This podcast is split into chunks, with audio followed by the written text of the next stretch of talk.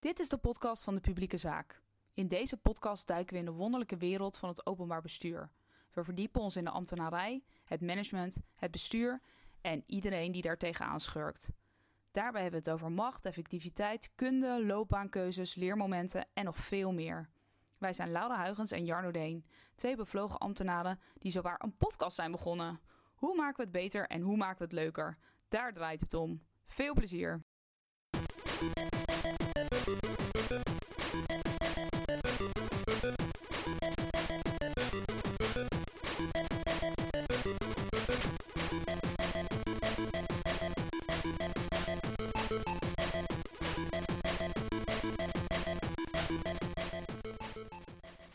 Vandaag praten we met José Besselink. José is planoloog of urban planner bij de gemeente Rotterdam. Ze is een planoloog die zich verder houdt van bestemmingsplannen en structuurvisies.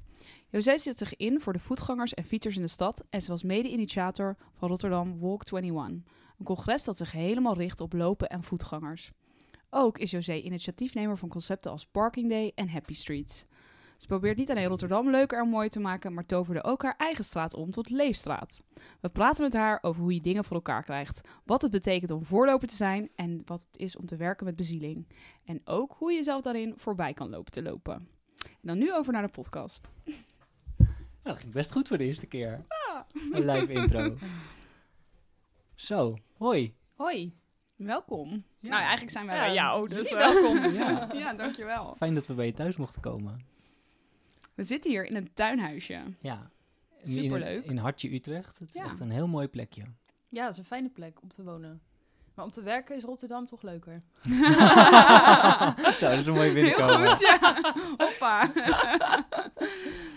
Ehm, ja, eh, José, je, je hebt net eh, mede georganiseerd een heel groot congres in Rotterdam, Walk 21. En ehm, volgens mij, is het twee weken geleden? Ja, het was van 7 tot en met 10 oktober. Dus het is echt nog maar net geleden. Ja, en het was een super groot congres, allemaal internationale bezoekers. Volgens mij was Ja. ook heel veel, ik heb er heel veel over voorbij zien komen in de media Social en op media. social media. En eh, LinkedIn stond er helemaal vol mee. Ja. Wat heeft het opgeleverd, weet je wel? Wat merk je er nu van, nu het, eh, nu het eh, afgelopen Nu het is? afgelopen is, ja, we hebben echt een momentum gecreëerd. Het congres gaat over lopen en walkability. Hoe aantrekkelijk is de stad eigenlijk voor mensen? En eh, dat congres is sowieso leuk, want je deelt kennis en je haalt zelf nieuwe ideeën op. Maar het heeft vooral iets teweeggebracht in de stad. Want ehm, het thema stond eigenlijk tot voor kort helemaal niet op de agenda. En nu wel. En eh, na het congres merkte je dat het ook eh, binnen de torens, zoals we dat dan als ambtenaren noemen, dat gebouw waar we werken, dat het ook wel het gesprek van de dag is. Ja? Ja. Waar gaat het dan over? Ja, Gewoon dat mensen het zo leuk vonden en zo natuurlijk ook. ja dat. Het, heeft, het was een hele positieve vibe die er hing op dat congres. En, Er is ook best wel veel in de openbare ruimte gebeurd, toch? Het was niet een, een congres als in, we gaan in een zaaltje zitten met elkaar. Maar ik had een, een, filmpje, Ja. een filmpje gekeken waar ook heel veel buiten, buiten gebeurde. Ja, we hadden naast eh, de keynote sessies en breakout sessies die je altijd hebt op dat soort congressen, hadden we ook workshops georganiseerd. Eh, want het is natuurlijk ook echt een kans om jezelf als stad te laten zien tijdens zo'n congres. En ja, dat zou je zelf ook kennen. Veel congressen waar je komt, dan zit je inderdaad n- nou, vier dagen binnen in een zaaltje. Ja, zonder daglicht. Ja, terwijl zoveel het thema waar we over spreken, dat gaat over de stad. Dus des te beter en interessanter is het als je dat ook kunt laten zien aan die bezoeker. Ja, het is ook ergens een soort city branding natuurlijk, Ja. voor een deel. Ja, En als iets een succes is, dat is altijd... Als dingen een succes zijn, wil iedereen erbij horen ook, hè? Dus ik kan me voorstellen dat als het dan zo'n... ja. zo'n als er zo'n vibe ontstaat rond zo'n ding, dat het inderdaad dan... Dat meer wel- mensen willen aanhaken. Ja, ja. Maar het is ook wel een beetje een bubbelding hoor, want ik heb het in mijn timeline niet zo vaak voorbij zien komen. Maar ik heb er wel op gelet. Ja, Ja, ja, ja. maar ik zit ook in de andere bubbel Nee, misschien dan jij. Ja. Komt misschien ook wel. Maar het is wel, het, ik vind het wel een interessant onderwerp, omdat je, het gaat eigenlijk over hoe je de openbare ruimte op een goede manier gebruikt. Want ja, wandelen door de stad is het eigenlijk de meest logische manier om, eh, om, om overal ook te kunnen komen. Ja, dat is eigenlijk best een eye-opener. Want in principe loopt iedereen. Maar als ik nu aan jullie vraag, hoe ben je hier gekomen? Of Eh, je fiets. m- ja, de- nu was de plek waar je je fiets hebt geparkeerd wel heel dicht bij mijn voordeur. Maar Ja. meestal eh, vergeten mensen dat ze ook nog altijd een deel van hun reis lopen. Als jij met de metro of met de trein naar je werk gaat, nou, dan heb je vaak je voor- en natransport. eh is echt een deel daarvan lopend. En veel mensen zijn zich daar niet van bewust. Dus dat is, het gaat over bewustwording. Het gaat over eh, het gedrag van mensen in die buitenruimte. Maar het gaat ook over gezondheid. Want lopen doet iets eh, met je brein. Maar ook ehm, überhaupt je gezondheid. Zit je goed in je vel? Ehm, het gaat over dus bewegen. En eh, misschien iemand die niet houdt van sporten, die kan prima een half uur per dag lopen. En dat is ook goed voor je. Dus we proberen ook heel erg om het onderwerp uit die mobiliteit en ruimtehoek te halen. Waar het wel degelijk eh, natuurlijk eh, raakvlakken mee heeft. En Ja. dat is de invalshoek primair. Uh, maar het gaat ook over dus die gezondheid. En het gaat ook over stadsbeheer. Dus um, liggen de stoeptegels wel recht? En uh, waar leggen we groen aan? Dat soort vragen. Echt over leefbaarheid ook. Ja, Ja. dus een hele integrale opgave in die zin.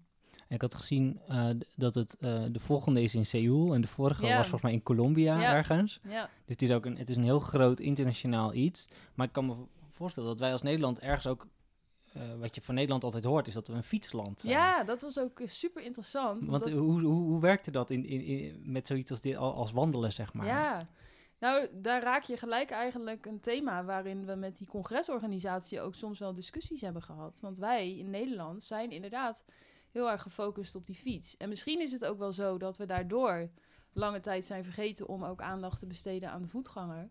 Maar wat ons betreft gaat het heel erg over die twee samen. Dat noemen we dan actieve mobiliteit.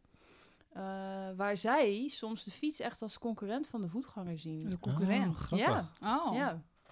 Zonde eigenlijk. Ja, want dat is we zijn jammer. alle twee gewoon... Ja, er zit enigszins een kern van waarheid in. Want uiteindelijk gaat het over de, ja, Nee, het beperkte gevecht om de ruimte. ruimte. Ja, Ja. tuurlijk. Eh, daar waar je als het ware als voetganger en fiets samen... eh, nou ja, als je het woord gevecht dan zou gebruiken, eh, voert tegen de auto. Zodra je eh, dat gesprek hebt gevoerd, gaat het ook over de verdeling van de ruimte tussen voetgangers en fietsers. En dat zal je hier in Utrecht eh, al helemaal eh, veel merken. Vaak staan fietsen geparkeerd op die stoep. En wij die gewoon goed ter been zijn, hebben daar geen problemen mee. Maar als jij in een rolstoel zit, dan kan je er dus niet langs. Dus het is ook wel een issue. Uh, maar ik vind het zelf wel goed om het veel meer vanuit een gezamenlijke opgave te bekijken. Want als je zowel op lopen als fietsen inzet, dan heb je uiteindelijk een echt aantrekkelijke stad voor mensen. Ja. Hey, en een van de dingen die ik, waar jij misschien iets meer vanaf weet, maar wat ik sinds ik wel eens bij Amsterdam Centraal kom, is een soort shared space Ja. concept. Ja. En uh, ik, uh, ik, werk nu in Leiden, waar je ook een aantal van die kruisingen hebt waar ik het ook wel eens ingewikkeld begint. Vind, be, ja, Ja. Het, het begint in- ingewikkeld te worden qua uh, wandelaars, fietsers. En je Ja. merkt dat het druk wordt, maar het reguleert zichzelf ook wel weer. Is dat het idee daarachter en werkt dat ook echt? Of doen jullie in Rotterdam iets heel anders?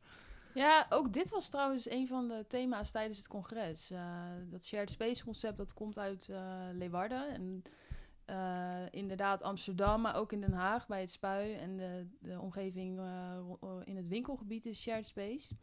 En wat, je, wat ik me heb laten vertellen is, doordat het shared space is, ben je je meer bewust dat je moet opletten. Dus mensen zoeken oogcontact met elkaar en het aantal ongevallen daalt daardoor.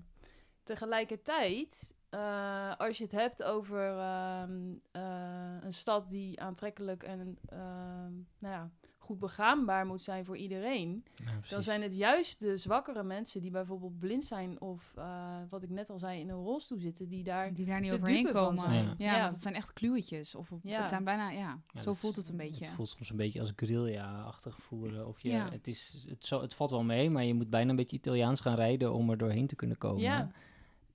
En ja, dat wil je natuurlijk niet als je met een eh, blinde geleidehond... Uh, Nee, maar dat is wel interessant, hè? Als je op zo'n manier zeg maar, naar de stad kijkt en je gaat er doorheen lopen. Ik weet, ik zag in jullie filmpjes dat jullie ook allemaal concepten hadden toegepast over dat je een brilletje of op je, hè, Ja, op je hurken. VR, of, eh, ik weet nog dat Gergo, mijn man, ook eh, op een gegeven moment, eh al is al wel lang geleden hoor, maar dat hij ook bezig was met eh, blinde geleideroutes in de stad.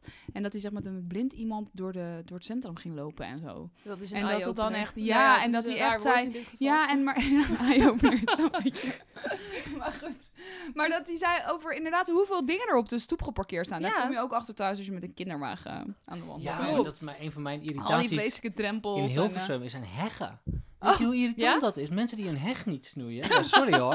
Maar dan heb je, ik heb ook ik heb een brede kinderwagen gehad, omdat ik een tweeling eh, eh, heb gehad ook. Heb dan- je nog steeds. Ja, maar in de, in, de- in de laag. kinderwagenmodus. Ik heb ze Ja. inderdaad nog even gelukkig. Maar dan kun je gewoon soms gewoon niet over de stoep lopen. Ja. Omdat mensen inderdaad fietsen parkeren. Ja. Maar ook omdat er gewoon heggen zijn die uit de voegen Ja. gegroeid zijn. En dat is best wel irritant. Want dan moet je soms hele rare capriolen Klopt. uithalen. Daarom hebben we ook, en dat is een van de echt lessen die we uit onder andere dat congres hebben gehaald. Dat als je de stad eh, wil inrichten voor iedereen, dan moet je dus juist die groepen als uitgangspunt nemen. En als je eh, dan met name je richt op mensen met een beperking en mensen die dus in onder andere een rolstoel kunnen zitten. Als je het goed regelt voor hen, dan is het ook voor, eh, voor heel veel andere mensen goed geregeld. En dan kan jij ook met je kinderwagen. Ja, Ja. precies. Ja. Grappig. En gaan, ze nu ook, eh, gaan er nu allerlei dingen opgepakt worden, zeg maar? Of eh, is het dus ook een soort start voor... eh, Ja, het is wel een nieuwe fase die we nu ingaan. Want, eh, nou ja, tot twee jaar geleden ongeveer was er eigenlijk niemand die eh, specifiek met dat onderwerp lopen of de voetganger bezig was. En inmiddels hebben we een projectteam met eh, niet alleen mensen vanuit mijn cluster stadsontwikkeling, maar ook eh, stadsbeheer en maatschappelijke ontwikkeling. En de bedoeling is nu dat we een visie, een aanpak gaan uitwerken, Rotterdam loopt. Waarin we dus precies dit soort thema's verder gaan eh, uitschrijven en oppakken. En daar ook daadwerkelijk acties aan gaan verbinden. Cool. En, Ja. en hoe, is het, hoe is dit op jullie pad gekomen? Heb jij dit onderwerp, eh, eh, heb je dat congres georganiseerd om dit ook voor elkaar te krijgen? Of is het ja, Ja, want het is een internationaal concept dus. ja dat is wel eh, toeval? Nou, in die zin, ehm, ik ben op een gegeven moment in contact gekomen met de, de directeur van die organisatie Walk 21. Die man heet Jim Walker. Geweldig. En eh, hij heeft in 2000 eh, die eh, organisatie opgericht. Het is inmiddels een zo'n charity foundation-achtige organisatie. Dus ze zijn maar met een heel klein clubje. Maar ze organiseren dus ieder jaar een congre- congres in een stad ergens ter wereld. En ik kwam met die man in contact, want wij organiseerden het eerste nationale voetgangerscongres eh, in Nederland, in Rotterdam. En daar was hij de keynote speaker. Oh, daar hadden jullie hem uitgenodigd. Daar Ja. hadden jullie contact gezocht, zeg maar. Ja. je weet dat hij bezig was met lopen Ja, en dat was eigenlijk ook via die congresorganisatie Ja, zo gegaan. En eh, ik ben daar eens met hem over verder gaan praten. Want ik was in die periode planoloog in de binnenstad. En in de binnenstad, daar werkten we eigenlijk al langere tijd vanuit een concept dat je veel meer die mens centraal wil zetten. Alleen was het niet zo dat we dat expliciet voetgangersbeleid noemden. Dat was een, was een heel ander concept. City Lounge, dat dus de binnenstad is de huiskamer eh, van je stad. En van daaruit hebben we toen dat nationale congres georganiseerd. Maar eh, ik dacht, dit is een thema. En ik denk dat dit iets belangrijkers gaat worden überhaupt in steden. En als het nou eens lukt om dat congres naar Rotterdam te halen, dan zetten we de agenda. En dat is dus gebeurd. Ja. Daar ging natuurlijk wel nog een en ander aan Ja, ik wou net zeggen, ja. Want het is een goed idee, maar eh, ja, dat krijg je niet zomaar voor elkaar. Nee, dus eh, daar ben ik in eerste instantie gewoon intern gestart om daar eens eh, met mijn manager over te praten. En wat ik heb gedaan toen die man in Nederland was voor dat nationale congres, Ja. heb ik een gesprek georganiseerd met een van mijn managers en de directeur van stadsontwikkeling. Om eigenlijk hem dat verhaal wat ik al kende te laten vertellen aan degene die uiteindelijk daar beslissingen over kunnen nemen. ja, want hij is natuurlijk een gepassioneerd iemand. Die kan Ja. zijn eigen verhaal heel goed eh, ja, kan neerzetten. Precies, en ook kan aangeven wat eh, zo'n congres teweeg kan brengen Ja, in het- stad. Ja, wat, wat is het eh, effect is ervan, Ja. zeg maar. En eh, zij vonden dat toen ook interessant, maar dan alsnog moet je natuurlijk daarna weer heel veel lagen door. Want een congres hosten, dat betekent dat je daar ook wel een bedrag tegenover Ja. moet zetten. Dus daar moest wel goedkeuring voor komen vanuit de directie. Dus dan maak je weer een notitie en dan schrijf je daar netjes op wat je denkt wat het allemaal wel niet kan eh, betekenen. Nou, en dat is gelukt.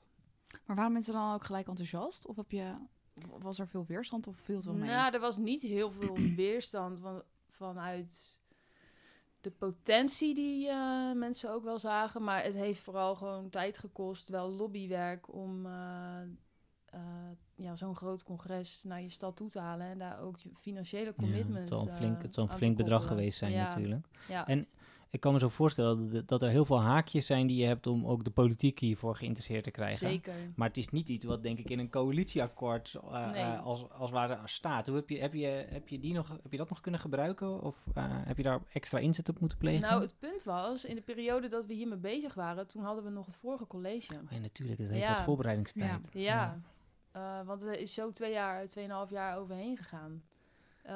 Maar we hebben toen eh, ook in overleg met die organisatie Walk 21 besloten dat het slimmer was om niet in 2018, maar in 2019 dat congres in Rotterdam te organiseren. Zodat we iets langer de tijd hadden om het ook eh, na de verkiezingen, van de afgelopen verkiezingen, goed te kunnen borgen. Oh ja, dat je niet met die bestuurswissel, dat je daar niet heel veel last van zou Ja, hebben. precies. Ja, je weet Ja. gewoon niet Ja, wat je... het is gewoon- ja, dat is ja, gewoon logisch. mensen inwerken. En ja. inmiddels hebben wij eh, onze wethouder Judith Bokhoven van Mobiliteit, die dit helemaal omarmd heeft.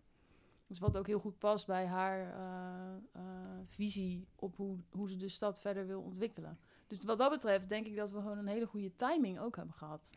Ja, maar dat is ook, het is wel terecht dat je dat zegt. Dat is een van de eerste lessen die je altijd hebt als je het hebt over, weet ik veel, omgevingsmanagement van een project of dat soort dingen. Ja, Denk na over verkiezingen. ja, Want uiteindelijk gaat het er toch gewoon om dat je eh, het momentum moet gebruiken. En dat kan er vlak voor zijn als in de lintjesmodus of er juist na. Omdat je Ja. iemand anders dan de kans geeft om met een bepaald onderwerp ook echt aan de slag te gaan. ja, want nu hebben we haar ook een podium kunnen geven. Ja, precies. Ja. Wat leuk. Want een eh, ander interessant voorbeeld daaraan gekoppeld. Je hebt Walk 21 en je hebt Velocity. En Velocity is het internationale fietscongres. Dat zou eigenlijk eh, komend jaar in Mexico City georganiseerd worden. Maar er is in de tussentijd een bestuurswissel geweest. En die burgemeester daar, die heeft er totaal niks mee. Dus die heeft gewoon gezegd, doen we niet. Terwijl er wel allerlei afspraken al gemaakt waren. Oh, dan Ja. gaat het niet door. Nee. Dus nu wordt nu ergens anders. Ja, nu, nu is het in eh, Ljubljana. Oh, Oh, leuk. Ja, Mooie stad trouwens. ja. Oh. Leuk. Ben je ook, is in die zin, ho- hoort bij jouw rol ook dat je, dat je die congressen allemaal afgaat? Of is dat, een, eh, eh, is dat niet per se logisch? Ik kan me voorstellen dat als je dit organiseert, dat je namelijk ook even wil weten hoe anderen het doen. Ja. Dus in die zin is het heel logisch. Ja. Nou, eh, in dit specifieke geval zijn we vorig jaar eh, met de directeur naar Bogota geweest. Want ze hebben dan altijd zo'n officieel mo- overdrachtsmoment. Ja, net als de Olympische Spelen. Zeg Ja, maar. ja, Ja. zo. We noemen het zelfs ook de legacy van het eh, ja. congres. Dat is ook een beetje gejat van de Olympische Spelen. Want zo'n congres heeft echt een nalatenschap in je stad. En dat is eigenlijk waar we het eerder over hadden. Dat het iets teweeg brengt. Ja. Maar ja, verder eh, bezoeken we op zich geregeld wel congressen. En we zijn ook vanuit Rotterdam lid van allerlei netwerken. Maar daar maken we wel keuzes in wat relevant is, waar je zelf kennis kunt ophalen en waar je ook jouw eigen verhaal kunt vertellen. Ja, ja, precies. Ja, Hey, cool. Cool. Zullen, we, zullen Ja. we even, eh, even wat meer over, over, over- op jou ingaan, zeg maar? Ja. Een on- vast onderdeel van de podcast is ook dat we het een beetje over, ja, waar kom je vandaan eh, qua, qua achtergrond en dergelijke hebben. Jullie kennen elkaar al een beetje, maar Ja, voor, mij is dat, eh, voor mij is dat nog nieuw. ja. Eh, wat, heb je, wat heb je gestudeerd? Ik heb sociale geografie en planologie gestudeerd hier in Utrecht. En eh, ik kom oorspronkelijk uit Spijkenisse. Dus ik, eh, Dus die link met Rotterdam. eh, ja, ik, Hoort dat hoort beetje? echt bij, eh, bij wie ik ben eigenlijk, Rotterdam. Ja. Dus ik eh, ben toen hier gaan studeren en ben gelijk op kamers gaan wonen. En eh, de grap is dan natuurlijk dat ik vervolgens na mijn studie in Rotterdam ben gaan werken. En dat ik nu die treinreis andersom maak. Ja. ja. Ja, maar dat doe ik inmiddels al eh, dik twaalf jaar. En nooit het idee gehad om daar weer toch te gaan wonen? Eh, nou ja, Marijn, mijn vriend, die werkt hier in Utrecht. Ah ja, dus dan is het in die zin. En ja, we hebben hier een sociaal leven. Eh, we houden van fietsen, racefietsen. En hier zit je zo op de Utrechtse heuvelrug. Dus er zijn wel meerdere redenen ook om Ja. toch hier te blijven wonen. Nee, heel herkenbaar hoor. Ik woon Ja. in Hilversum en dat is ook een plek waar je... en je moet altijd eh, een uurtje reizen voor je ergens bent. Maar als je Ja. thuis bent, dan ben je ook gewoon... eh, je, ja, je loopt de deur uit en je bent in de pra- prachtige natuur en Ja. dergelijke. Dat is heerlijk. Grappig hoe dat werkt, hè? Ja, dat je dan toch ook zo ge- eh, gehecht kan zijn aan de plek waar je woont. Maar in jouw geval wel met heel veel passie kan werken aan een andere stad. Ja, en wat dat waar je natuurlijk ook echt wat mee hebt. Ja, ik heb voor mijn gevoel nu het beste van twee werelden. Dat kan ik me heel goed voorstellen. Ja. Dat is wel een van de dingen die, die mij altijd opviel bij, eh, eh, bij de politieke kant dan. Dat ik daar wel eens hoorde van, eh, vanuit de gemeenteraad. Mhm. Van, nou ja, eigenlijk willen we ambtenaren die binding met de stad hebben. Ja, Dus ze moeten eigenlijk wonen. En weet je, ze moeten eigenlijk in de, in de, in de regio wonen. Anders heb je die binding niet. En, Ja. en dat is wel goed, om, goed voor je beleid. En dat vond ik altijd onzin.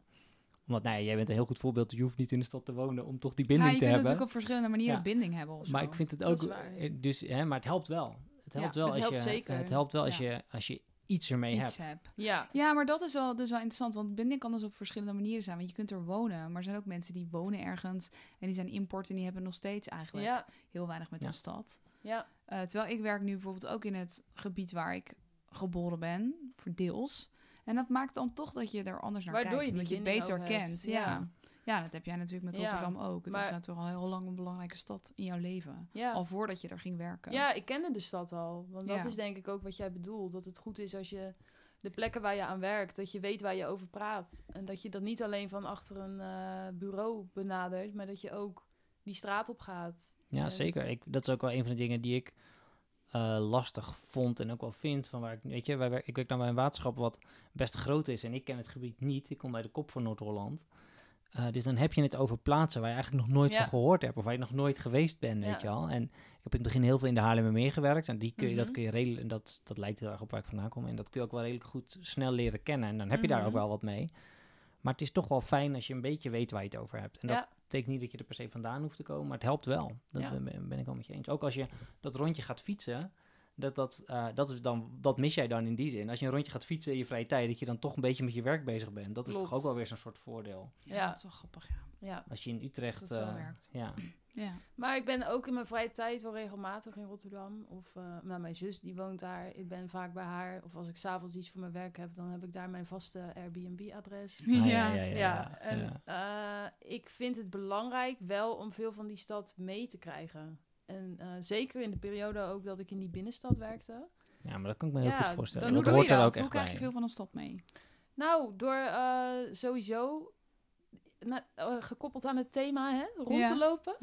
ja. Ja, Eh, en naar eh, af en toe is eh, een- leuke culturele voorstelling gaan. Of in het weekend. Dan zijn er festivals te doen. Om dan echt die stad te speelt. voelen. ja.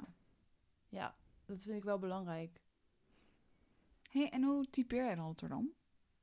Als de enige echte stad van Nederland. oh, mooi. Het komt er ook heel overtuigend Ja. uit, hè? Ik, wil grappig, ik heb het altijd, als ik het over ah, Rotterdam en Amsterdam heb, ik ben, ik ben op dit moment asset manager. Dat is Ja. een, een, een- een vakgebied waar, wat overal in Nederland eh, plaatsvindt. Maar eh, ik, ben de geme- ik ben de grootste fan van, ehm, als ik dan fan moet zijn van een werkwijze, ben ik van de Mhm. Rotterdamse werkwijze. ja. Gemeente Rotterdam heeft dat echt, echt super netjes voor elkaar. Het ziet er heel mooi uit. Maar ik hou ook wel een beetje van die niet lullen maar poetsen Ja, die modus. mentaliteit. Ja, ja, dat Ja. is toch wel alle Rotterdammers die bij ons werken. Ja, dat zijn gewoon in die zin ook fijne collega's uit Amsterdam ook hoor mensen. Maar ja, ik snap dat tot op zekere hoogte wel. Het is echt wel iets Het is anders. wel iets anders dan Het is Ja. Amsterdam. echt iets anders. En het- het is een stad waar echt iets gebeurt. En zeker in de stadsontwikkeling. Nou als gevolg hè, van dat eh, moment in de oorlog eh, waar de Duitsers bij betrokken waren, heb je een heel ander type stad. Die eigenlijk voor een heel groot deel opnieuw eh, is opgebouwd. En daardoor, als je het omdraait, is het ook heel kansrijk dat je dus nieuwe dingen kunt ontwikkelen. En dat zie je nu nog steeds, denk ik, ook wel terug in die, nou, wat je noemt, mentaliteit. En dat er veel mogelijkheden zijn en dat er ruimte is om dingen uit te proberen. En dat je daar ook de vrijheid voor krijgt. Ja.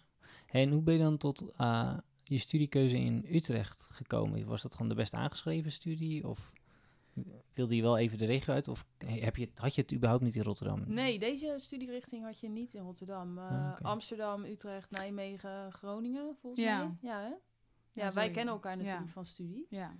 Waarom ben je gaan studeren wat je bent... Sorry, mijn keel is een beetje... Wat? Waarom ben je gaan studeren wat je bent gaan studeren?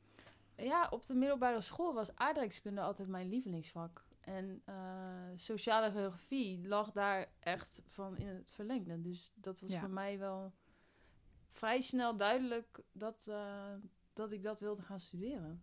Ja.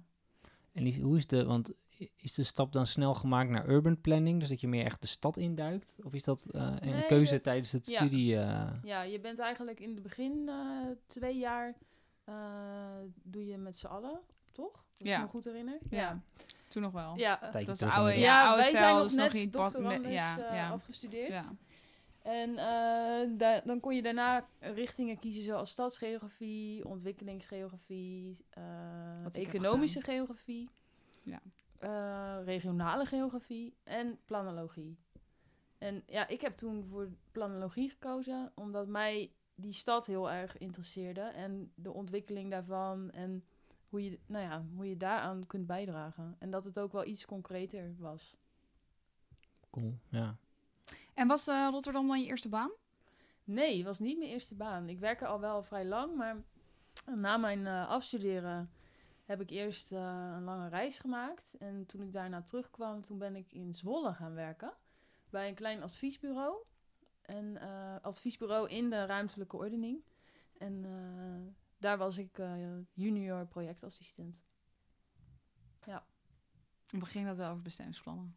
Ja, niet per se bestemmingsplannen, wel van dat soort procedures daaromheen. Dus Ah, ja. ook eh, de MER-trajecten. En eh, we deden begeleiding van een eh, renovatie van een, in opdracht van een woningbouwcorporatie.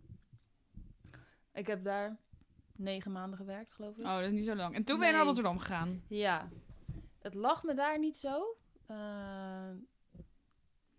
om verschillende redenen. En ik dacht, mijn afstudeeronderzoek eh, had ik gedaan in Rotterdam naar eh, de ontwikkeling van een nieuw Feyenoordstadion. Nou, Oh, lekker Ja, actueel. is er nog heel steeds niet. Ja. ja. in Ja, die er periode. wel weer allemaal plaatjes van in de, Ja, ja, het, is, het eh, komt steeds krant volgens dichterbij. mij. Ja. Het zal vast wel binnenkort een keer echt gaan Ja. gebeuren. Het zijn soms ook echt processen van de lange adem, dit Ja. soort dingen. dat is ook wel echt gekoppeld aan, aan die planologie en de lange termijn ontwikkelingen van de stad veel ja, op strategisch niveau werken.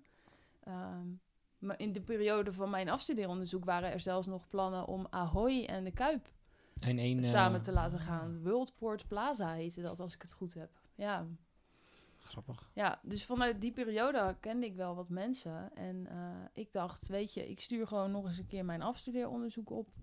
Naar wat toen nog was de afdeling eh, ruimtelijke ordening van de dienst stedenbouw. En eh, nou, na een aantal gesprekken mocht ik daar komen werken als planoloog. En dat doe ik nu nog steeds. Dus ik ben eigenlijk altijd eh planoloog geweest. Maar het leuke vind ik van ons vak dat je, je bent generalist. En je bent eigenlijk op heel veel verschillende type klussen inzetbaar. Dus ik heb ook heel veel verschillende dingen gedaan. Nu werk ik aan, nou ja, dat onderwerp eh, lopen en ook fietsen in de stad. Eh, ik ben ongeveer zes jaar lang planoloog in de binnenstad geweest. Maar ik heb ook op regionaal schaalniveau gewerkt. En ook aan de ontwikkeling van bedrijventerreinen. En een fietspad tussen Rotterdam en Den Haag. Een cultuurhistorische verkenning. Eh, de grootschalige gebiedsontwikkelingen zoals Hart van Zuid. Dus het is heel veelzijdig. Ja. ja, heel divers. Ja, Maar ehm, ehm, je bent natuurlijk de laatste, laatste jaren heel erg druk geweest met dat lopen. Maar ehm, ik weet ook dat je ook bezig bent... Maar met, toen je in de, tijd dat je met de binnenstad werkte... ben je ook wel bezig geweest met ook allemaal van die vernieuwende concepten... om iets anders te doen, zeg maar, met de buitenruimte. ja, Het klinkt altijd zo mooi als eh, de binnenstad als huiskamer, wat je net zei. ja. Maar daar hebben jullie ook echt een draai aan proberen Ja. te geven. Ja, dat is een hele leuke periode ook geweest. En om terug te komen op wat, wat we net eh, zeiden, dat in Rotterdam zoveel kan. En er een sfeer is van eh, niet lullen maar poetsen. Dat heb ik toen ook echt gemerkt. Want op een gegeven moment ehm, had ik samen met een collega een eh, benchmark gedaan. Wat kunnen we nou leren van andere steden? Eh, want we zaten toen in een periode dat we... Sinds 2008 hadden we het binnenstadsplan. City Lounge. En dat was echt een supergoed concept dat ook heel erg aansloeg. En waarin we ook al enorme stappen hadden gemaakt. Het gaat over de verdichting van de binnenstad en het toevoegen van meer groen. Eh, ook over überhaupt die hele buitenruimte aanpak, eh, gekoppeld aan verkeer en het verlevendigen van de binnenstad. Dus dat zijn allemaal grote doelen waar we aan werken. En alles wat we doen, nu nog steeds, is gekoppeld aan eh, City Lounge. Die kan je daaraan toetsen, zeg maar. Ja. Die moeten daar in dat concept passen. Ja. Ja. Maar eh, dat zijn dus allemaal van die lange termijn visies en ambities. Terwijl toen wij die benchmark deden, stuiten we eigenlijk op een heel interessant instrument om eh, ook veel meer op korte termijn dingen tijdelijk uit te proberen. En ja, dat heeft iets teweeggebracht waar we dus heel veel verschillende dingen ook zijn gaan experimenteren. Maar altijd wel gekoppeld aan Mhm. die lange termijn ambitie. Dus niet zomaar leuke dingetjes uitproberen, maar die echt. Ja, dat, zouden, dat zouden we nu agile werken noemen, Ja, eigenlijk. Maar dat is wel heel tof, want dat, dat vind ik zelf wel eens ingewikkeld. Dus dat je die, ehm die stroperigheid van, ook al heb je een lange termijnvisie, eh, Mhm. iets veranderd krijgen. Ja, dat is gewoon heel lastig, zeker in een ambtelijke organisatie. Maar als Ja. je de ruimte krijgt om dingen te proberen, ja, ja, heerlijk. Want dan kun je ook daadwerkelijk dingen doen. En als het succesvol is, nou, dan ben je een beweging aan het creëren. En als het mislukt is, dan is die beweging er ook tot op zekere hoogte wel. Dan heb je ieder geval weer wat geleerd. en dan kan je ook zeggen, ja, het was een experiment. En experimenten mogen ook mislukken. Ja. Op, op die manier. Maar is het in die zin dan aan zo'n visie die zo lang staat, vind ik ook wel bijzonder. Want als, eh, Ja, want hoe lang is die er dan al? Sinds 2008. Dat is en echt het lang. is echt, ja, op, en succesvol, omdat hij meerdere eh, colleges in die zin ook heeft overleefd. Uh, maar het leuke is dat we steeds een nieuwe draai hebben gegeven aan datzelfde concept. Dus een nieuw college, die heeft daar wel een eigen accent aan gegeven. Maar Ja, de basis precies. is altijd hetzelfde gebleven. en is degene die dat, is dat, die dat ontwikkeld heeft, werkt die ook nog steeds bij de gemeente? Is er een soort eh goeroe? eh, Ja. De bedenker hier van dit concept, ja. Ja. Ja, dat, eh, volgens mij is dat een van de collega-planologen geweest. eh, eh, maar die man is nu met pensioen. Ah ja. En eh, die heeft daar wel aan de basis van gestaan. Maar eigenlijk nog meer aan de basis daarvan stond Jan Gil. Kennen jullie hem?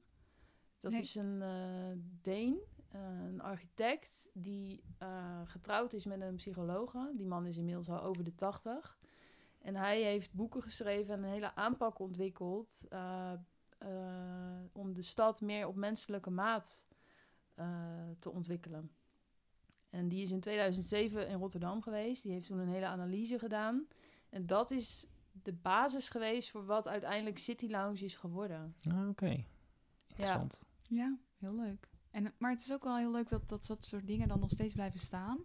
En dat je als ambtelijke organisatie, maar ook met steun van het bestuur, dit soort dingen elke keer opnieuw leven in kunnen Ja. blazen. Want daardoor, het gaat inderdaad ook over dat je iets creëert waar je haakjes, Ja, maar Zeker. haakjes het hebt, weet je, om dingen te ja, doen. ja, Ja, maar het is ook wel, ja. g- wel grappig, En daar de ruimte dan in vinden Ja. om, eh, Ja. om iets uit te bouwen. nee, ik heb in een ver verleden, ik heb bestuurskunde gestudeerd Oh, in. Twente. Ja. En ehm, ik weet niet precies meer of ik daar toen werkte of dat het, het maakt ook niet zo heel veel uit. Maar een van mijn professoren, die had ook, die is heel erg met, met dingen ook als participatie bezig. En, en, Ja. en, en de, ehm, de binding van eh, FC Twente bijvoorbeeld met de regio en, en de wijken en allemaal van dat soort zaken. Ja. Daar deed hij ook onderzoek naar. En toen was er een keer een congres die in die, de, de hoek van participatie en eh, nou, de dingen die ik net noemde. En toen hadden ze volgens mij Charles Landry, Landry ja, heet hij, die die Art of City ook, Making. ja. Nou, als je die een keer, als je die hij doet volgens mij altijd dezelfde presentatie, Mhm. maar geweldig. En dat vond ik toen zo, eigenlijk, dat lijkt hier ook heel erg op. Dat je zo'n, eh, je openbare ruimte op een goede manier inrichten heeft, heeft zoveel haakjes, omdat het gewoon over leefbaarheid en over mensen Mhm. gaat. ja. Dat, eh, En het gaat over hele grappige concepten heel Ja, vaak. en dat En is het, iets, gaat, en het gaat gewoon over mensen hun gevoel en waar ze zich wel en niet fijn bij voelen. En Ja. en omdat het ook om een concrete vertaling gaat naar ja, wat er in de buitenwereld gebeurt. Dat vond ik eigenlijk wel heel inspirerend. inspirerend. Ja, echt Ja. heel inspirerend. En dat is iets wat je eigenlijk, wat ik nog steeds wel eens in mijn achterhoofd meeneem. Alleen om dat concreet in je werk toe te passen is het wel eens ingewikkeld. Eh, Ja. eh, eh, hangt een beetje vanaf wat je doet natuurlijk. ja, want in Ja. mijn werk is het wel concreter te maken. Want ik ken inderdaad deze man ook. En het zit allemaal wel een beetje in de, diezelfde hoek. Over eh, nou ja, de city on a human scale en placemaking, dat soort termen waar je dan aan werkt. Maar het helpt ook heel erg om dit soort types naar je stad te halen. En hen dat verhaal te laten vertellen. En daarmee ook collega's eh, en gewoon de mensen die aan die stad werken te inspireren. Ja. Om daarmee nieuwe dingen op de kaart te zetten. Hey, en een goede vriendin van mij, die heeft ook planologie gestudeerd. Maar die werkt bij gemeente Hollands Kroon. Wat een, eh, een heel uitgestrekte eh, plattelandsgemeente Ja. in Noord-Holland is. Kunnen die, is dit zeg maar iets wat je echt... Werkt dit alleen voor een stad? Eh, of kan je dit eigenlijk op iedere... ehm, ja, ik denk dat je dat echt wel, eh, dat hele idee, dat kan je ook toepassen in kleinere dorpen of steden. Het gaat, ik vind het een hele leuke uitspraak van dan Jan Gale. A good city is like a good party. Dus dat betekent gewoon dat je wil dat mensen zich eh, fijn voelen in jouw Ja, stad. dat het gewoon Ja. gezellig En dat is mensen graag daar willen en, eh, komen. Ja. Oh, sorry. En eh, dat kan je net zo goed doen eh, in een kleinere stad. Nee, daar heb je geen wolkenkrabbers voor nodig. Nee, je hebt andere opgaven en de Ja. schaal is anders. Maar eh, dit idee kun je volgens mij prima toepassen. Leuk. Ja, Ja, leuk is dat, hè?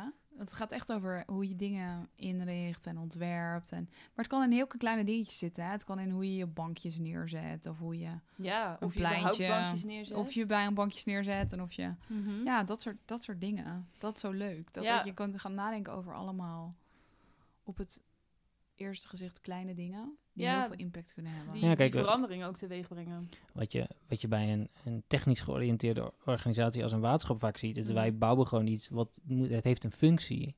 En die functie is, weet ik veel, water van A naar B verpompen of zo. Dus dat eigenlijk zijn het hele lelijke kastjes die je neerzet. Eh, terwijl je daar. Leuke dingen vinden we sowieso wel een beetje moeilijk hoor. Want schoolpleinen, oh, Ja, het is al heel, juist wel kop- kansen om dingen te prikkelen. Ja. ja. Maar het is, eh, eh, en het moet ook soms, weet je, het- maar het hoeft ook niet altijd meer geld te kosten om het toch mooi te laten zijn, waardoor je ook een stukje beleving of zoiets doet. En dat, is wel, dat is wel een van de opgaves, denk ik, die, die er is. En in een gemeente heb je, denk ik, eh, mensen zoals jij werken die over dat soort dingen nadenken, waardoor je je, je koppeling met je beheer en onderhoud ook, hè, het juiste gesprek kun je uiteindelijk Ja. voeren met elkaar, ook omdat je onder één bestuur zit. En voor een organisatie als waar wij nu werken, is dat gewoon ingewikkelder. eh, nou, niet per se ingewikkelder, dat is niet het goede woord, maar daar zit die logica er wat minder in. Omdat wij, ja, we Ja. hebben niet zoveel Laura's rondlopen. We hebben eigenlijk maar één Laura, Laura rondlopen in het gebouw. Dus ja, Ja.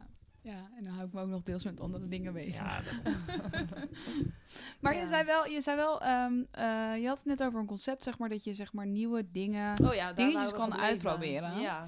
Ehm, heb je daar een paar leuke voorbeelden van? Ja, en die, de hele manier van werken, dat is tactical urbanism. Want eh, de hele planologie en stadsontwikkeling is dus vaak, wat we net zeiden, ingericht op die lange termijn. En dat is ook prima, dat is echt nodig, want je moet een bepaald doel voor ogen hebben. Maar tactical urbanism gaat over korte termijn actie met lange termijn invloed. Korte termijn actie met lange termijn Ja. invloed. Eh, dus je, je kan bij wijze van spreken, zoals we dat wel eens zeiden, ehm, morgen de stad van de toekomst laten zien met een kleine ingreep. En een leuk voorbeeld, daar is het eigenlijk allemaal mee begonnen, dat is Parking Day. Dat is dus een van die ideeën die op ons pad kwam toen wij eens gingen kijken wat kunnen we leren van andere steden. Dat eh, is de derde vrijdag van september. Komt uit San Francisco overwaaien. En eh, daar hebben mensen ooit bedacht... hey, die parkeerplaats, ja, als ik daar nou gewoon zelf geld in die meter gooi... en mijn grasmatje uitrol... nou, dan mag ik hier ook best zitten, want ik betaal. En daar Dat is ook is mijn ruimte. ja, daar is eigenlijk dat hele idee van het maken van een parkje op een parkeerplaats uitgekomen. Dus parking eigenlijk Oh, in ja, ja, ja, staat tussen haakjes. Om één dag in het jaar parkjes te maken van parkeerplaatsen. En toen dacht ik, hé, hey, dit is wel zo passend bij wat wij voor ogen hebben met City Lounge. Dat zou toch tof zijn als we dat gewoon als stad mogelijk zouden kunnen maken. En eh, ik werkte met echt een hele toffe binnenstadsmanager. Die eigenlijk gelijk ook enthousiast was. En eh, zei, nou, maak maar een voorstel. We gingen mee naar de wethouder. Het was net zo een beetje voor de zomervakantie waarin het wat rustiger was. Wethouder was ook enthousiast. En ineens had ik een opdracht om eh, Parking Day in Rotterdam mogelijk te gaan maken. Dus drie maanden Supercool. even Ja. keihard eh, doorgewerkt. Maar dat is gelukt. En eh, die eerste editie hadden we iets van 90 parkeerplaatsen. Waar mensen uit de stad eh, dus zo'n parkje hadden gemaakt op, op parkeerplaatsen. En het enige wat wij deden was dan faciliteren. Eh, en dat betekende dat wij eh, de, het geld als het ware in die parkeermeter gooiden. Dus we hadden mensen geïnformeerd van de, stadswachten die dan dat toestonden. Ja. En nog heel veel andere dingen daaromheen ook. Maar we hebben daarin de regels een beetje die dag laten vieren. En die parkeerplekken vrijgegeven aan van alles en nog wat, wat, wat daar dan kon gebeuren. En Ja. je zag vooral veel ondernemers die meededen. Bijvoorbeeld een kapper die gewoon de, de stoel Buiten op die gezet. parkeerplaats had gezet en daar de haren ging knippen van de klanten. Tot aan eh, mensen die eh, de shoelbak eh, buiten zetten of allerlei hele gekke ludieke dingen daar gingen creëren. Ja, dat was grappig. Ik was, volgens mij was het in het kader van een trainee-opdracht nagedacht over de stad van de toekomst. En als je dan nadenkt over concepten als zelfrijdende auto's.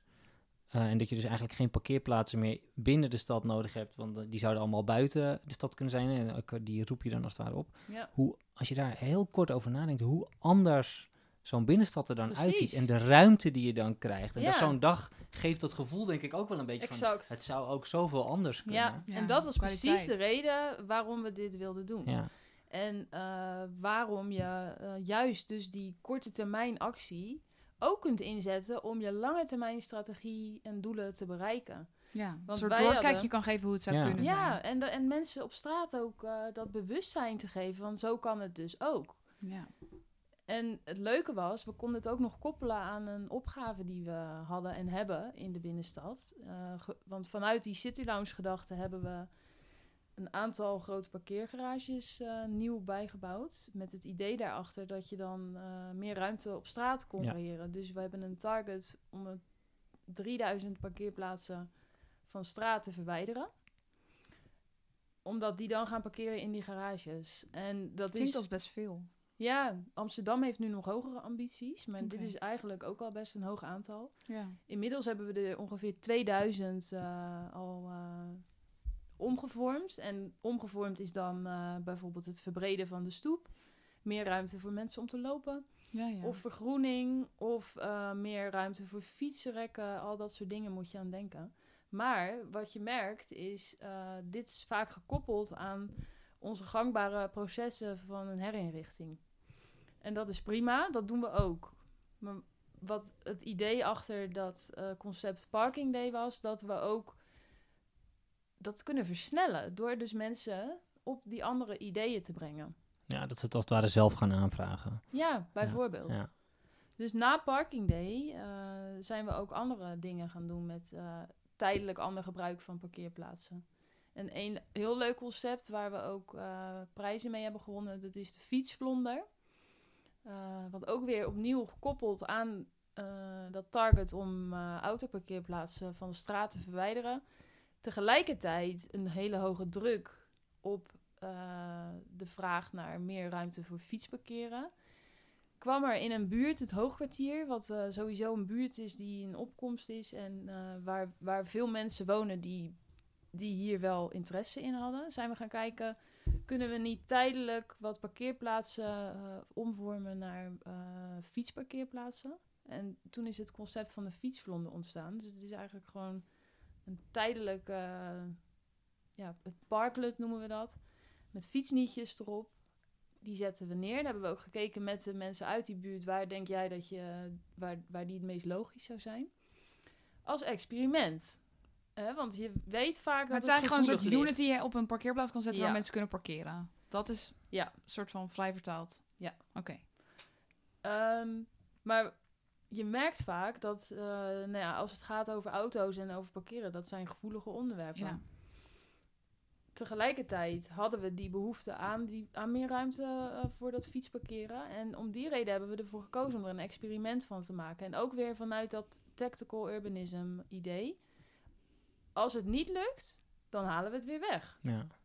Maar als het wel lukt, dan hebben we iets in handen. En dan kunnen we het ook permanent veranderen.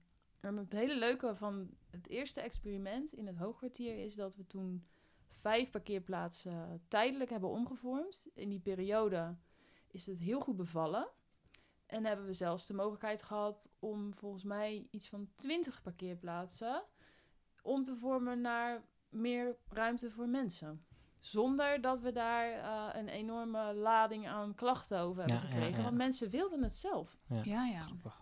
Dus het helpt heel erg om mensen bewust te maken en een verandering in gang te zetten die je ook al wel voor ogen hebt met die langetermijn ideeën. Het is wel leuk, hè? Want we hebben het best wel veel gehad de afgelopen podcast over pilots en over experimenten. Ja. En hier komt hij ook weer terug.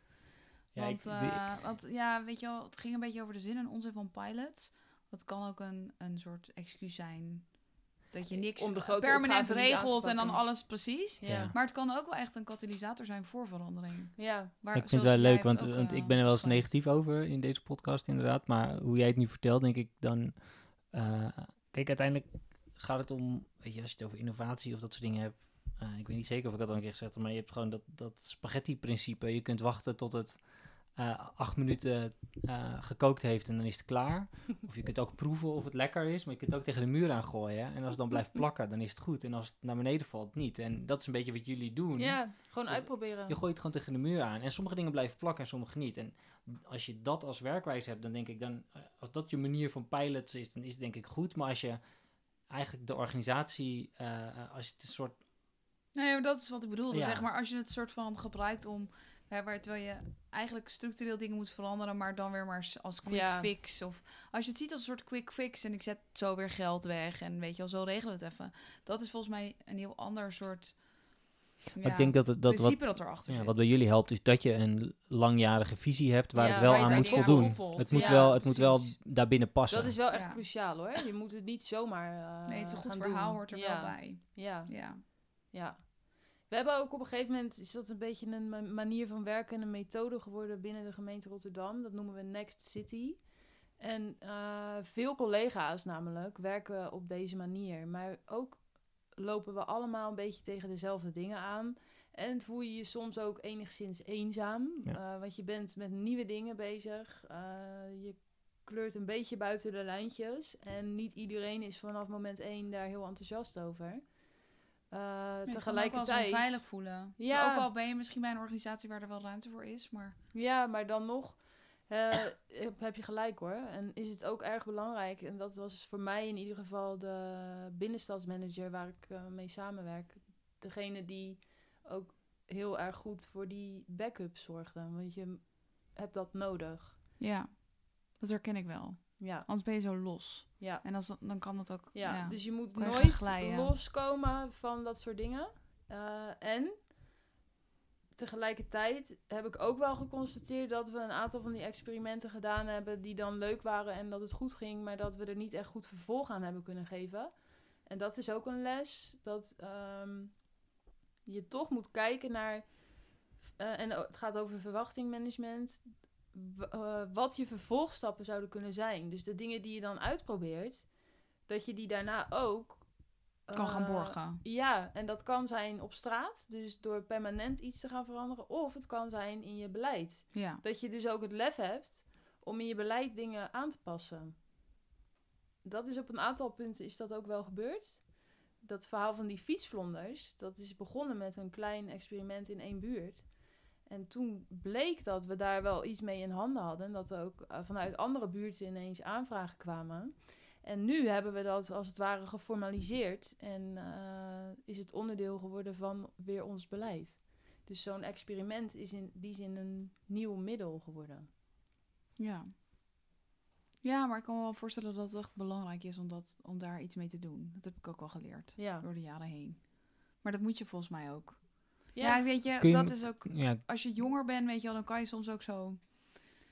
Ja, ik weet niet. Het is misschien ook een beetje door schade en schande wijze, hè? Dat je, dat je uit enthousiasme gewoon heel veel leuke dingen kan oppakken. Maar dan Mhm. weer een stap verder brengen en borgen. Dat is bijna dat een is andere het kwaliteit. allermoeilijkste hoor.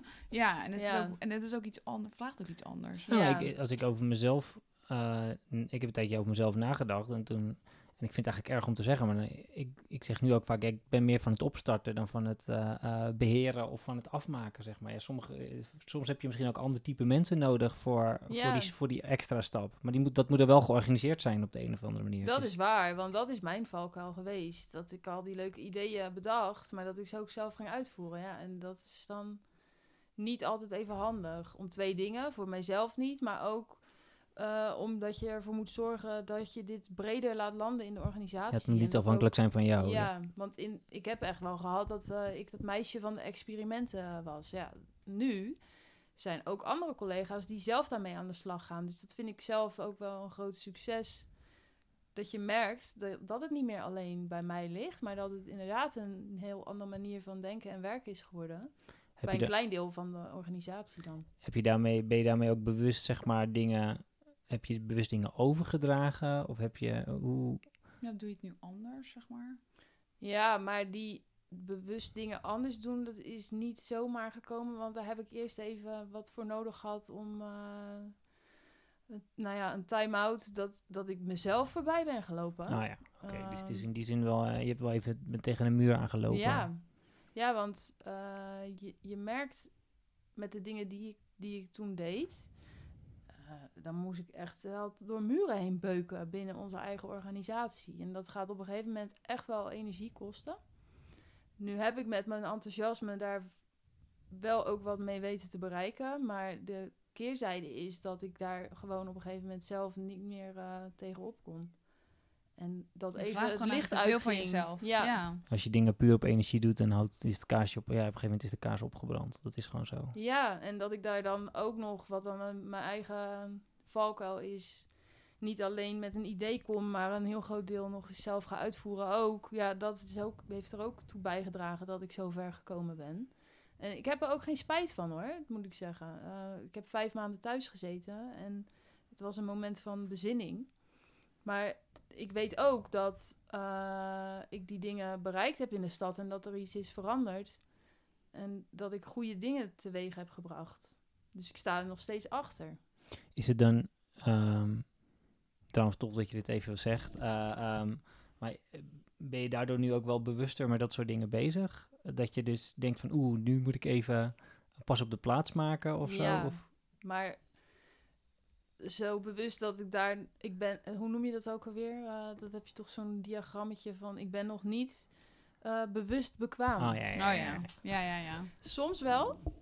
Maar eh, er zijn momenten waarop ik denk... Oh ja, nu gaat het weer mis. Maar dat is ook al heel wat, hè? Dat je bewust bent Ja, dat je door hebt dat, dat je... Ja, Ja. dat je En ik heb dus heel erg geleerd om het niet alleen maar bij mezelf eh, te houden.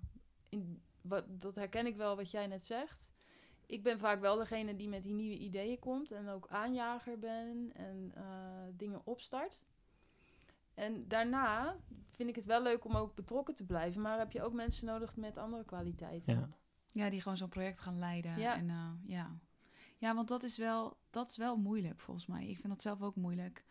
Dat je als je dan, als je iets bedenkt of je bent de, de, de eerste die met iets komt of zo, dat je, ja, dan voel je je er ook heel verantwoordelijk voor. Enorm verantwoordelijk. Dus het is ook, het is, en het is enthousiasme, je vindt het leuk, Ja. weet je wel. En je, je voelt het misschien ook al alsof het van jou is, dus dat je het ook moet doen. Dus dat je het ook Ja. bijna niet kan loslaten. Want ja, weet je wel, dat zou toch ook zo gek zijn dat jij degene bent die dat dan introduceert en dat je dan vervolgens niet, ja, Ja. weet je wel, dat je dan vervolgens het niet gaat uitvoeren. Ja, ben je ook een beetje Sjaak afhaak.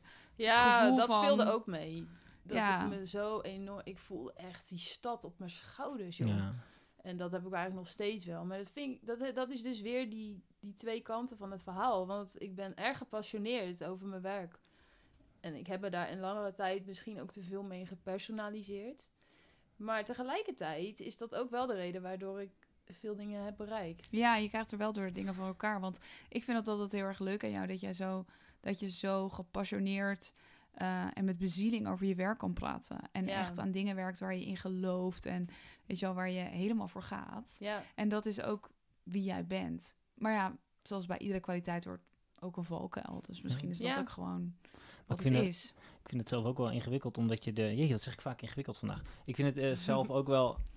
Dat je soms ook wel merkt van... Als je dingen puur op energie doet eh, eh, en op passie... Nou, op een gegeven moment loop je dan tegen de grenzen aan van wa- eh, wat zeg maar realistisch is. Je hebt ook nog Mhm. een thuissituatie. Je bent misschien nog met andere dingen Ja. bezig.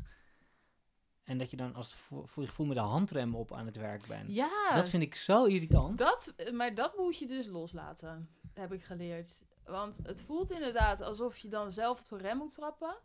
Maar eigenlijk is het zo dat je voor jezelf zorgt. En, eh, er- en Maar dat herken je dus wel. ja, ja. ja.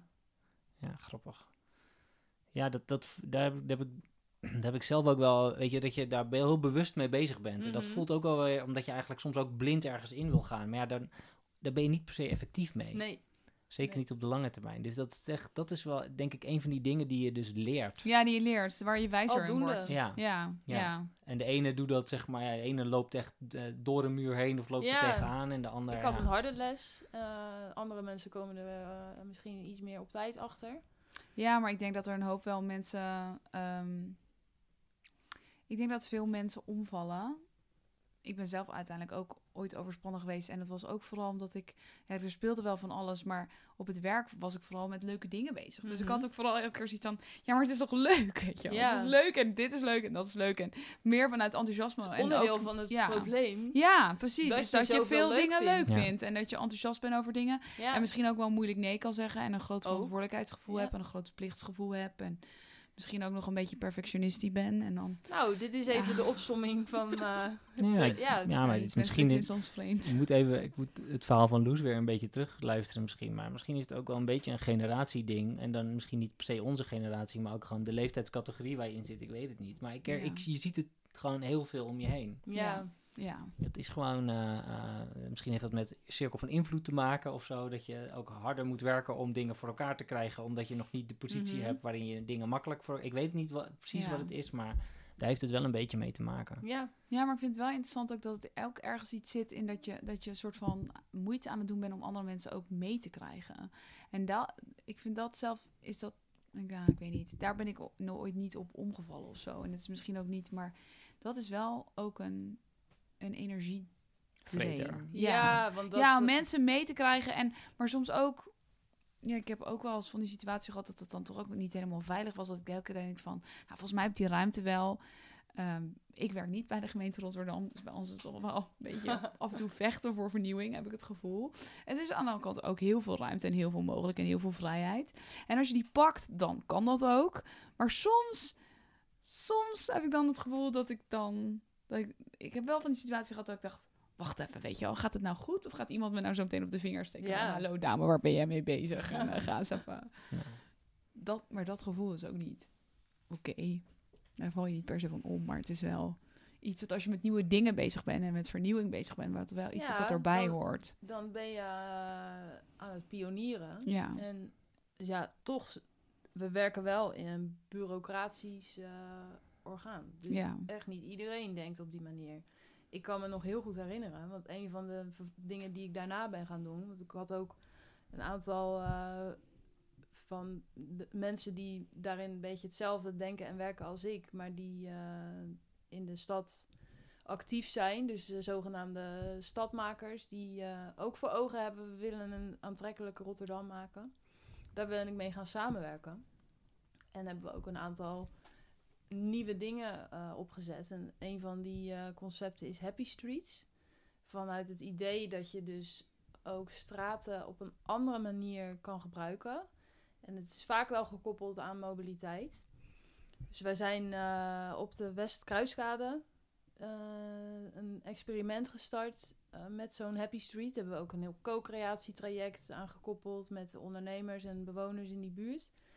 En eh, het idee daarbij was dat we die straat, waar best wel veel autoverkeer is en waar de auto ook dominant is, terwijl de aantallen mensen die daar fietsen en lopen veel groter zijn. Dus van wie is die straat nou eigenlijk? En om ook daar weer die ja, mindshift eh, in gang te zetten, eh, was dus het idee om die straat tijdelijk anders in te richten. En ehm, dan krijg je te maken Wil je hem echt dichtgooien voor, voor, voor autoverkeer? Nee, dat hebben we in de- deze straat hebben we dat niet gedaan. Uh, maar we hebben wel uh, enorme discussies gehad over uh, het gebruiken van verf op de straat, op de weg.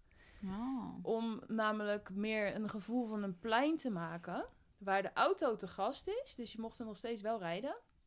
Maar waar we meer vanuit die, die voetganger gingen denken. Dus nou, toen hadden we nog niet Walk 21 georganiseerd. Maar dat heeft allemaal wel Ja. met hetzelfde idee te maken. Uh, maar je krijgt met enorm veel uh, partijen te maken als je met dit soort gekke dingen aan de slag gaat. Want ja, dit doen we toch nooit. Dus waarom zouden we dat doen? Uh, ja. Ik kan me zo een straat in Hilversum voor de ogen houden, de, de Gijsbrecht, wat een, een winkelstraat is buiten het centrum. Mm -hmm. maar wat ook gewoon een doorgaande verkeersroute is. En ik heb, wel zo, ja. ik heb zelf ook wel eens het idee gehad van eigenlijk zou je, dat, zou je daar idealiter een soort fietsstraat van maken. Of meer een soort, precies wat jij zegt, dat je, omdat je daar nou meer echt een winkelstraat van maakt. Maar ja, dan zijn er ook Ja. winkeliers die zullen zeggen, ik wil ook, het is, mensen komen hier ook omdat ze voor de deur kunnen parkeren. Dus de Franse bakker die van 7 tot Ja, 7 dat is open is. Daar staan dan even, eh, weet je, daar sta je dan een minuutje met je auto. Ja. En dat is, dat is het rare. Terwijl ik denk dat het als straat mooier zou worden als Ja. je daar eh, een beetje dat, zo, dat laundry verhaal is dat je daar dat je, eh, het wordt veel leefbaarder als je, Ja, het, eh, als je precies. niet En meer zo makkelijker kan verblijven Ja, ook. ja. Ja. Ja, en dan zal je ook meer geld uitgeven. En daar Ja. heeft die ondernemer ook wat aan. Dat denk daar ik zijn ook. ook. verschillende onderzoeken naar gedaan hoor. Dus de, Maar dit is eigenlijk net zoiets als de Leefstraat, toch? ja, Want eh, eh, nou, daar ben ik dan toevallig ook langs geweest. Want José eh, heeft hier in haar eigen straat heeft ze een aantal jaar geleden een leefstraat Ja. gemaakt in de zomervakantie. ja, ik dacht laat ik dat ook nog maar even bij doen. Ja. Hè? Ja. Misschien ook wel een van de redenen de optelsom geweest Ja. waardoor ik uiteindelijk eh, net iets te veel op mijn bordje heb gehad. Maar ehm, ik dacht het is leuk, want ik heb nu best veel eh, kennis opgedaan. We hadden naast die Happy Street hebben we ook een keer echt straten afgesloten in Rotterdam. Dus ik had vanuit die kant van de tafel best veel Ja, en je ervaring. bent daarvoor naar, eh, wat is het, naar Zuid-Amerika geweest. Sorry, Ja. Ja, precies. Dus Om te- inspiratie op te doen, toch? Ja. En met allemaal mensen die hier heel veel verstand van hebben over te praten. Ja, dat was het fenomeen Open Streets. En eh, dat komt uit Bogota. Daar sluiten ze dus iedere zondag 120 kilometer aan. eh, Iedere zondag. Iedere zondag. Nice. Ja, mind you. En eh, daar komen gewoon, eh, volgens mij was het ge- getal 1,3 miljoen mensen op af. Hè? Nou komt het ook omdat ze een grote druk op de openbare ruimte hebben. Er zijn niet heel veel eh, goede parken. Dus dit is eigenlijk ook Ja, een beetje uit de ruimte waar ja. mensen dan kunnen recreëren. Maar ja, waarom niet? En waarom, als het in Bogota kan, zou het dan niet in Rotterdam kunnen? Dus dat, dat zijn we toen ook uit gaan proberen. Nou, en vanuit datzelfde idee eh, was hier de gemeente Utrecht, die eh, de leefstraten, dat is dan weer een concept wat uit Gent komt overwaaien. Op, dus minder op zeg maar die grote eh, wegen op stadsniveau, meer in buurten.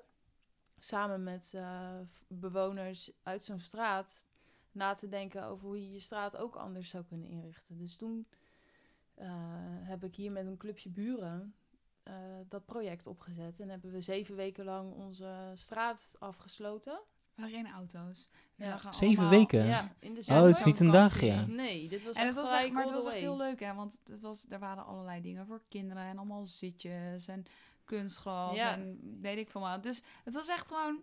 Want toen wij Ja, hier langskwamen, wat. konden mijn kinderen gewoon op straat spelen. Ja. Terwijl wij op een bankje midden op straat. Het is alsof je een soort park voor de deur hebt. Moet je je voorstellen waar jij woont in Hilversum. Ja, Gerko, of uh, Jarno woont in zo'n hele groen, Ja. oud straatje, zeg maar. Maar wel allemaal auto's. Als je dat zou afsluiten en je zou er... Ja. Geweldig. Als ik met mijn jongens of met meiden buiten ben, dan is het, weet je, om de, om de min- paar minuten is het toch dat er een auto langskomt. Dat Dan je gaan we allemaal weer even aan de, gaan we allemaal weer even aan de zijkant staan. En het, Ja. weet je, ze Maar het rijden... is, het is een heel leuk concept, maar je hebt natuurlijk wel mee te maken met dat mensen moeten parkeren en hun auto Ja, ergens er is precies. ook heel veel weerstand waar je eerst doorheen moet Ja. beuken. En een het- ambulance moet er doorheen kunnen. Ja, dus daar moet je allemaal wel over veiligheidsdiensten, nadenken. Ja. Ja. Ja. dus het gaat niet vanzelf. Nee, het gaat niet vanzelf. Nee, maar dat is, maar dat is uiteindelijk denk ik ook eh, niet gaat vanzelf. En Nee. eh, het is hoe je daarmee omgaat. Ja. Eh, eh, en dat maakt ook dat we dat het dat ja, het maakt het werk niet altijd leuk, maar eh, het maakt wel dat je ook aan het werk bent. Ja. Eh, dat is natuurlijk wel. Ja, en voor mij is dat ook juist wel wat mijn werk eh, interessant maakt. Dat je die verandering teweeg kan brengen. En nou ja, dat heb ik gedaan met die experimenten. En eigenlijk kan je datzelfde betrekken op wat het congres Walk 21 nu teweeg heeft gebracht in de stad. Het gaat echt wel over ehm, buiten je eh, gebaande paden werken. Zien wat er op de stad afkomt, dat signaleren en daar ook werk van maken. Dat vind ik echt heel tof. En als ik nu zo terugdenk, heb ik de afgelopen zes jaar altijd mijn eigen werk gecreëerd. Ik heb echt niemand gehad die tegen mij zei: Nou, we gaan dit jaar een congres organiseren. En eh daarmee heb je zoveel uur voor om eh, tijd aan te besteden. Nee, we, ik heb Jij hebt het eigenlijk gewoon naar Rotterdam zelf gehaald. aan gewerkt om inderdaad om dat naar de stad te halen. super top. En dat er dan vervolgens gelukkig een heel projectteam ook omheen is ontstaan, was voor mij super fijn. Want dat was precies die les die ik uit het verleden had geleerd om niet alles alleen te doen. Heb je wel de credits ervoor gekregen? Ja, Want soms is dat ook moeilijk, hè? Als jij Ja. degene bent die dingen bedenkt. Ja. Dat maakt het, ja, maar dat is wel... Nou, ik heb echt het grootste compliment van mijn hele carrière gekregen. Namelijk van eh, Jim Walker himself, die op het podium ongeveer twee minuten lang complimenten heeft gegeven aan eh, mijn rol in dit geheel. Ik heb het gezien. Oh. En het was echt hartverwarmend. Ja, ik was er echt super blij mee. Het voelde zo Ik was als zo trots, erkenning. trots op Goos. Echt geweldig. Ja, dat heeft nee, maar hij, iets- hij ging echt zeg maar over dat je mensen nodig hebt met soort ideeën en bezieling. En het ging over dat soort dingen. En over dat je mensen nodig hebt, zeg maar, die, ja, die andere mensen aan kunnen steken en een Ja. beweging kunnen creëren. En eh, ja. ja. Ja, daar was ik echt super blij mee. dat is echt heel Ja, leuk. Ik dacht nog van nou, als ik ooit weer een dip heb, dan ga ik gewoon die video terugkijken en dan gaat het vanzelf wel weer goed. Hey, leuk, goed. hè? Ja. super cool. Hey, dankjewel. We Ja, zullen we nog één vraag Ja, stellen? Ja, dat, ga- eind dat stellen? gaan we zeker doen. Easter egg? Ja, Eh, ja ik, dacht, ik heb zelfs nog een easter egg in gedachten, maar doe maar. Nou, wij stellen altijd de vraag aan het eind. En dat is een best wel een moeilijke vraag hoor. Maar eh, we hebben natuurlijk ook van tevoren een beetje gedeeld van... Wat is, de, wat is volgens jou de grootste uitdaging nu voor het openbaar bestuur? De grootste uitdaging, ja, in Waar moeten we Rotterdam- elkaar aan werken? Ja, eh, wat ik interessant vind is, eh, nou, komende vrijdag, dan eh, is in Rotterdam het Stadmakerscongres. En we zeggen altijd, samen maken we de stad. Maar daar daadwerkelijk invulling aan geven. En dus ook luisteren naar eh, de mensen waar we uiteindelijk voor werken. Die bewoners van Rotterdam en de mensen die die stad gebruiken of die daar werken. Dat is echt een grote opgave. En eh, ik vind het daarbij heel interessant om wel altijd te kijken opnieuw weer naar wat hebben we als stad zelf voor ogen, maar daar ook open te staan voor ideeën van mensen uit die stad, om dan vervolgens samen te werken en te kijken waar je elkaar kunt vinden. En daarmee die stad ook eh, beter te maken voor, iedereen. Dus echt het zoeken van koppelingen en daadwerkelijk samen stad maken. Niet alleen houden bij, dan, dan is het een holle frase. Dat is zonde. Dit was de podcast Publiek Werk, gemaakt door Jarno Deen en Laura Huigens. De muziek is van Bart de Jong. Vond je dit nou leuk? Vertel dan alsjeblieft aan je vrienden, familie en collega's. En vergeet niet om onze podcast een recensie en sterren te geven. Dankjewel. Hey, Eh. maar eh, nog even voor de nazit. We zitten hier echt in een superleuke locatie. Namelijk in jouw tuinhuisje. Mijn tuinhuisje. Ja, Ja, Letterlijk in de tuin, hè? Ja, Ja, we en, zitten en dus niet bij jou aan een keukentafel. We zitten in een... In een heel mooi klein, klein hokje wat Ja. in de achtertuin staat. Ja. En eh, ja, wat een beetje mijn eh, creatieve plekje is. Dat eh, is ontstaan ook wel in de periode dat ik dus eh, thuis zat met een burn-out. En dat ik heb gekeken, wat, wat vind ik nou echt leuk? En als kind was ik altijd bezig met knutselen en dingen maken. En dat deed ik eigenlijk helemaal niet meer. En dat heb ik teruggevonden in die periode. En heb ik van dat huisje wat in onze tuin staat, eh, gewoon mijn eigen creatieve plekje gemaakt. En daar doe ik van alles. Tekenen, schilderen. Er ook Kettingen maken. dingetjes aan de muur. En, eh, ja, in de, eh, ik weet even niet hoe ik dat moet noemen. Het zijn niet echt show notes, maar we hebben in ieder geval een foto. Dus dan kun je er in ieder geval iets van meekrijgen. Maar het is, ja, het is echt, heel het ziet er prachtig uit. Je hebt het allemaal zelf gemaakt. Ja. eh, wauw. En één eh, slogan, de- dat was ooit een opdracht die ik had bij een tekencursus. eh, Vandaag begin ik bij het begin. Dat is echt eentje die ik nog vaak eh, meeneem. Want soms kan je de neiging hebben om dingen heel groot te maken. Eh, en als je ergens mee begint, dat je dan vindt dat het gelijk natuurlijk helemaal perfect moet zijn.